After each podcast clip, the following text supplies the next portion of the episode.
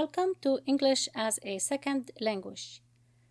شكرا لمتابعتكم لهذه الحلقات. اليوم سيكون برنامجنا عن المشاعر. غضب anger anger محبة love love تسامح forgiveness forgiveness سلام peace peace. بعض العبارات في المجتمع الأمريكي مشهورة يقولون forgive and forget. forgive and forget يعني سامح وانسى أو سامحي وانسي. Forgive and forget. Forgive and forget.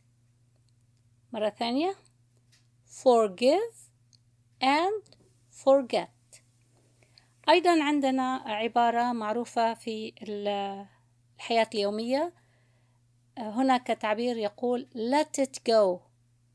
يعني دع الأمر يمضي. لا تعلق على الأمر لا تعمل مشكلة من الأمر.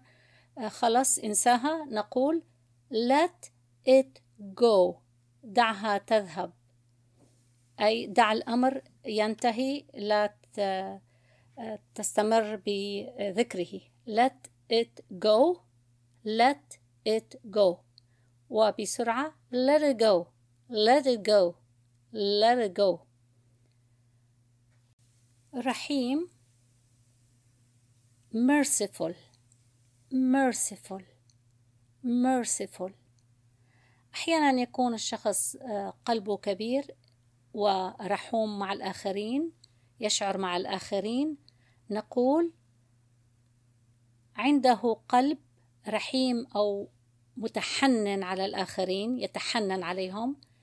He has a compassionate heart. He has a compassionate heart compassionate heart التحنن compassion compassion compassion تحمل الآخرين tolerance tolerance tolerance tolerance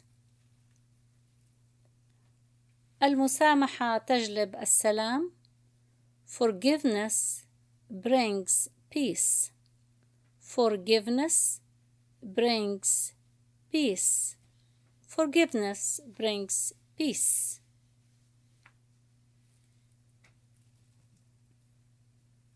شكرا جزيلا لمتابعتكم حلقة اليوم أرجو لكم يوما سعيدا سلام